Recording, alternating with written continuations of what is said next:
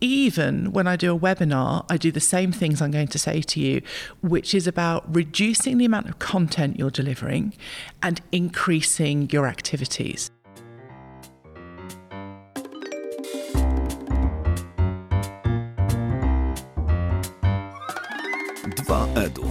Podcast o szkoleniach, prezentacjach i technologiach wspierających rozwój.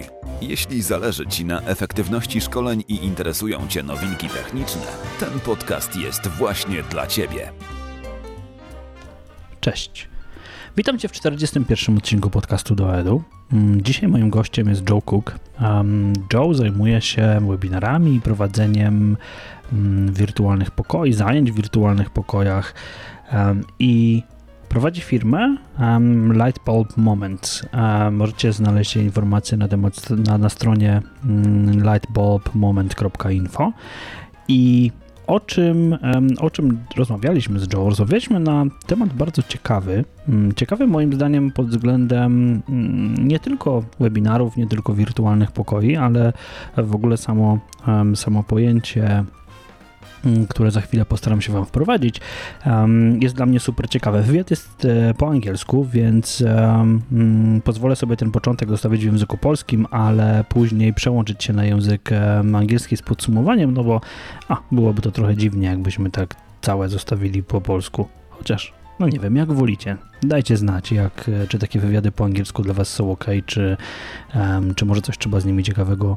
e, albo tłumaczeniowego zrobić. Tak czy inaczej, z Joe prowadziłem dwie rozmowy i jakiś czas, za jakiś czas pojawi się również druga, ale rozmawialiśmy na temat czegoś takiego, co nazywa się mm, Digital Body Language, czyli mm, jakby pojęcie mowy ciała jest nam już znane. Wiemy, że em, komunikujemy się nie tylko tym, co mówimy, ale także tym, w jaki sposób nasze ciało komunikuje pewne rzeczy.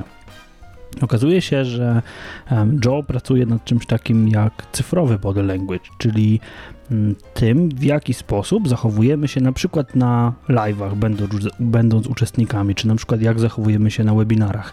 Jakie rzeczy świadczą o tym, że mm, webinar jest prowadzony dobrze albo niedobrze, albo mm, co możemy się dowiedzieć w naszych uczestnikach. Więc jeżeli robicie live'y, jeżeli robicie webinary, jeżeli uczycie online w jakichś wirtualnych klasach, No to myślę, że ta rozmowa będzie dla Was bardzo interesująca i że znajdziecie sporo inspiracji.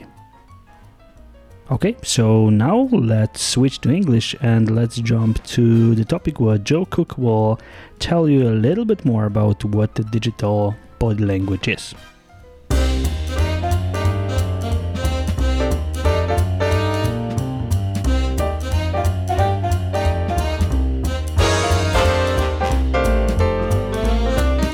Hello, everybody, and thank you very much for asking me on your podcast. It's a real honour.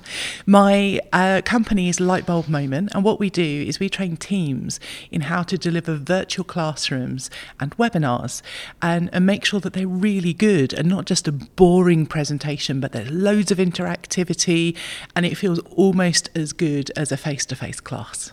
Okay, so um, because when I think about webinars, is like it starts. It's like, can you hear me? Can you see my screen? Can you hear me? Oh, you can't hear me. Oh, I have technical problems. Yeah. It takes ten minutes.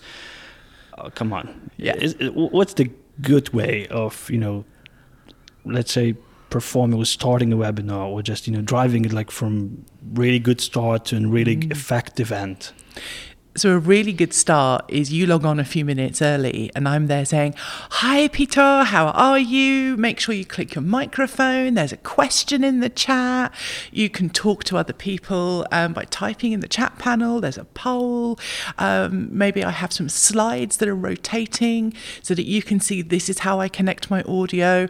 This is the speaker that's Jo. This is the producer that's Mike, and he's the person to answer any technical problems in chat. And you've got me there being lively and welcoming and just saying, type in this in chat and do you have any problems um, before we start? So immediately you know your sound is working, you know who's going to be speaking to you, you know how to get help. You can talk with other people. And I have questions maybe just saying, you know, we often say in England we have to talk about the weather because it's always raining. Yeah. but it's easy. Everyone can talk about where are you and what's the weather. And it's an easy way to get in, involved with people. Okay, so today your speech is about digital body language, Mm-hmm. right? So what's the digital bo- because the body language we know what it is, right? Yeah. Or or, or, or are we assuming what the body language is? How, how do you think? Well, let's start with this body language. So body language absolutely is what we know. You know, this is a podcast, so people can't see, but right now we're looking at each other. We have eye contact. We're using our gestures, our hands, our movements. We can see when the other person is nearly finished, so we get ready to talk. So this is about body language and being able to understand a person and their communication from what we can see in their face and their gestures, their voice, uh, the language they use, and all of these things. So, digital body language is all of those things but online. So the term came from um, Steve Woods, who is the Chief Technical Officer at Nudge, and he says that digital body language is everything that a person does online, every click, everything they look at, everything they don't click on as well. Okay. So is it like uh, uh, so it's like when I'm just performing a webinar, it's me in the small window Mm-hmm. when you can see my face, right? And let's say I'm sharing my screen and you can see all of my icons on the on the not desktop. quite right? not quite. So the way that steve woods talks about this is more from analytics. So if you think about google analytics you know who's looked at your website which Okay. podcasts they download but this is about more detail. So which pages did they spend time on? Which did they not click on? Did they scroll up and down because they can't find your page? So that's one part of it. That's about data and how you analyze your data. Another part of it especially for webinars and virtual classrooms is about what people do live in the moment. So right now I can see your eyes are just closing a tiny bit like you're concentrating Yeah. or thinking. I can see that. And I'm thinking I know that you're thinking or it could be, you know, you're thinking she's talking rubbish and she's bored. I don't know, but I I Sure. imagine. So with digital body language it's the same, but I can't see you maybe. So I have to think okay, if I ask you to click an arrow on the screen, so in WebEx you can click an arrow, have it on the Sure. whiteboard do you do that really quickly? So then I think, oh, well, they know the technology, they're comfortable.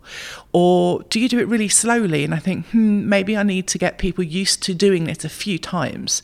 Or maybe we're on session three and you are the only person doing it slowly. So does that mean you can't use the technology very well? Does it mean you're bored and doing something else? Does it mean actually because you're the only person speaking English as a second language that actually you're translating hard words and therefore it tells me something? This is digital body language.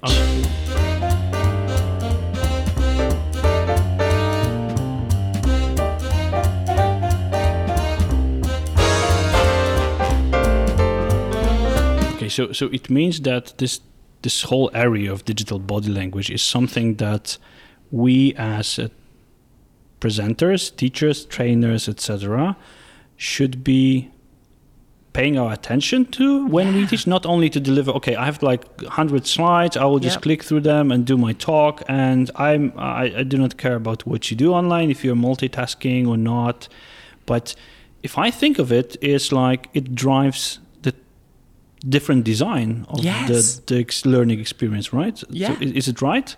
Absolutely. So, so do you have any recommendations on or rules that we should try to apply? Because you know, normally it works like, okay, I have like a slide deck, fifty slides. I will go through this. You know, done, dusted, Yeah. right? So, what should change in our approach? So, what you're describing is a typical presentation or webinar that might be it might be sales, it might be marketing, it could be about learning, it could be about content. And that's okay. It's still okay to have a more presentation. What I concentrate on are really good learning conversations. So the virtual classroom is maybe 10 people, 12 people, and it's about really having an experience and a discussion about learning. Even when I do a webinar, I do the same things I'm going to say to you, which is about reducing the amount of content you're delivering and increasing your activities. So it could be something as simple as ask a question, a closed question, green tick, red X, yes or no. Okay. It could be something where we go into a breakout room and all the attendees speak and have their webcams on and use a whiteboard, make discussions, make notes, and come back 10 minutes later or 15 minutes later and we have a plenary where we discuss things. So that's kind of almost either end of the scale of interactivity. And everything you do, where you ask a question and people use the chat panel or a whiteboard or a poll, as long as you're paying attention and making a change afterwards. Lots of webinars that I see, people do a poll and it says everybody um, has this experience or everybody thinks this. And you think, what really changed from the presenter? Because they're kind of going, oh, okay, and then they move on anyway. So it's about interacting with the answers, just like you do right now. I can see Sure. you want to ask a question Yeah, and yeah, I'm still yeah. talking, but it's about reacting to those things. Okay, so it, so you see me reacting, but online using the tools, you can also raise a hand. Mm-hmm. The- so so the technology is there, Yes. right? So as, as I as I as I try to you know come up with uh, with a nice conclusion out of it, so we as a trainers do not pay attention to this digital body language, Mm-hmm. right? Uh, therefore, we it's it's difficult for us to respond to this, and it's difficult to drive the proper experience of online learning. Yes. And so if we just become more aware of it, then we can redesign our, let's say, learning experiences Yeah. or deliverables in a way that they will be like more effective. Like, Yes. is, is, is it is it the right goal? Like, to Absolutely drive perfect. effectiveness of Absolutely of perfect. learning? You're hired. Thank you. uh, okay, so so but that's the recommendation. So what are the tools that, for example, if I'm using WebEx or Adobe Connect, are there any external tools? Because I know like Kahoot or something that you can just try to engage with the end users. So if there is a lack of um, a lack of the built-in tools, can we do something like okay, maybe I'm teaching using a Facebook Live. So, are there any tools that you know from the market that, that you can just immediately start using and engage your audience? Yeah. I think the main thing is what your intention is.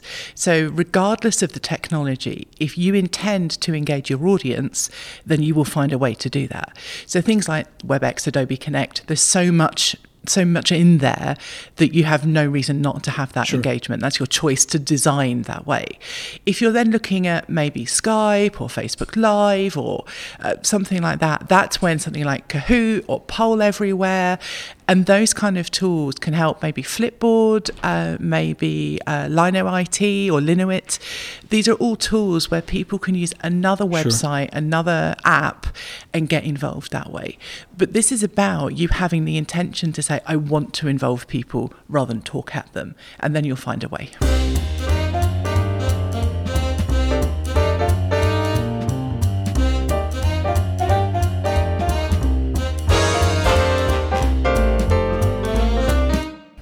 Okay, so do, you have any any example or the case where where you just consulted or where you advised someone what should change and the, the results that you can share or the or the feedback from from your customer that you can share about it? Do you have an example like that you can? Absolutely, loads of examples.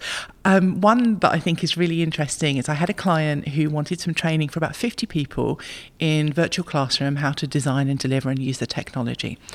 And they completely understood the modern way of learning and taking time and having discussions and having an experience um, and all of the interaction online. And that's what they wanted. But they also said, well, we haven't got that much money. Can you take, instead of 10 sessions, can you do two sessions? But include this and this and this and this and this and this. And I'm like, and the client, you have to sometimes go, yes, the client's right and I want the business, but also you have to do the right thing for the learning. Sure, you're the expert, right? Yeah, exactly. So so you do a bit of yes, I can do what you need, but also I need to do what's right. So this meant, yep, we can do this and this and this a little tiny bit, not the same as two hours. And and we, we, we had a compromise. And then we delivered the session. And at the end of it, because we'd had so much discussion, so much interaction with the different tools, the activities, that my client at the end said, ah, I see why you said no, you can't have all of this in two sessions because it would have been me lecturing and presenting for two sessions, which which can be okay. You can have really good presentations, but that's not the same as a quality learning experience in a group where you need to learn together. So that was really interesting to come to that conclusion through the experience itself. Okay, so the first step to become aware of the fact that there is such a thing as digital body language. Yes. Then pay attention to what's going on online. Yeah. Then get to know your tools. Yep. Then be smart with selecting of what you want to achieve and you know just uh, I'm, I'm thinking about it like you know uh, in relation of like slow food like slow learning just Yeah. just do it one thing at a time Yeah. right but then the last part how do you measure the difference um, Mm. are there any tools like okay are there any tools that you measure the impact of you know paying attention to to this digital body language So there's a few different ways depending on what you're doing. Sure. If you're looking at a community sli- uh, site, uh, so it could be Facebook, it could be Yammer, Slack, something like that. You Yep. probably have lots of data that you can Yes. analyze. If you're doing something in a good quality webinar or virtual classroom platform, Again, you'll have data if you use polls, it should save the data for you. You can analyze the chat, the engagement, things like that. I do some of that some of the time. But most of the time, actually, I go by my reaction to what's going on in the session. If I feel it hasn't been engaging, it probably hasn't. If I think Yeah. people are being quiet and I kind of ask a question and nobody types, nobody green ticks, I kind of think, okay, I asked the question a different way. And then I say, Bob, why don't you unmute and you answer? And I'm really trying to push. I know that hasn't worked very well. So I go from my reaction in the first instance and also feedback from people. If they're saying, wow, I haven't even looked at my email in this one hour webinar, that to me makes me smile and makes my heart lift. And then you have the analytics. And then when you get into the learning and the performance, that's when you need to look at, well, what was the business goal and what could they do a month ago? What can they do now? What can they do in a year's time? So there's different levels that you can look Sure, that, that that's perfect. So so just just to conclude shortly, if um, if some of the listeners would like to use your service, uh, how you can help them and where they can find information about you. So I've got a blog, I've got a free community website, I've got a Facebook group. So if people go and look up Lightbulb Moment or lightbulbmoment.info or lightbulbmoment.community, that's all loads of resources there for people to look at and videos and webinar recordings. And if people want uh, some consultancy, I do that or one-to-one training. Or if people have a team where they say, actually, we need them to be able to deliver great webinars or design and deliver great virtual classrooms, it's all on my website. And you can contact me on Twitter at LightbulbJo or find me on LinkedIn as Jo Cook, C O O K. Thank you so so much, and uh, you know I think you'll still enjoy this conference and I you'll stay in absolutely am loving it. Thank you. Thank you very much. Oh, and this is it. Um, I think it was a lot of inspirations for you, and uh, I hope that you will just visit um, Jo's uh, website that is linked below. And let's switch back to Polish. No. Rozmowa dla mnie była o tyle ciekawa, że dowiedziałem się o tym, że możemy mieć coś takiego jak cyfrowy, cyfrową mowę ciała i myślę, że e, pewne z tych aspektów warto zacząć mierzyć, warto zacząć obserwować, bo no, myślę, że nie do końca stać nas na to, żeby ignorować to, w jaki sposób nasi uczestnicy szkoleń zachowują się w ich trakcie. Czy biorą w nich udział tylko mówiąc hi na początku i bye na końcu. Wiecie, tak zwane hi bye. E, Ale myślę, że mm, im bardziej zaawansowane będą narzędzia do e-learningu, im bardziej zaawansowane będą narzędzia do webinarów, tym więcej, więcej i więcej rzeczy będziemy mogli sprawdzać i tym więcej rzeczy będziemy mogli mierzyć. No ale cóż, mamy to, co mamy. Mm, Zobaczmy, czy możemy z tych naszych e, sposobów prowadzenia zajęć wyciągnąć trochę więcej. A już dzisiaj i już teraz zapraszam Was do nowej serii podcastowej. Ten sezon podcastu, m, który nazwałem sobie pierwszym sezonem, trwający ponad rok, ponad 40 odcinków, chcę zamknąć. Ale nie zamknąć całkiem podcast, tylko rozpocząć nowy sezon. Rozpocząć nowy sezon wakacyjny. Będzie to letnia szkoła e-learningu. Więcej na ten temat możecie znaleźć na stronie 2edu.pl kreska LSE, jak letnia szkoła e-learningu. A aktualnie jestem na etapie mm, programowania, jakby tworzenia programu tego, zapraszania gości, zapraszania prowadzących, którzy będą przez cały lipiec razem ze mną opowiadać o tym, jak się uczyć online. Nie tylko jak robić kursy, bo o tym później, ale jak się uczyć. Jakie techniki stosować, gdzie szukać kursów, mm, na jakiej podstawie stwierdzić, czy dany kurs y, jest wartościowy, jak wykorzystać w pełni kursy online i co one nam mogą dać. To w lipcu. A w sierpniu będzie o tym, w jaki sposób kurs online zbudować.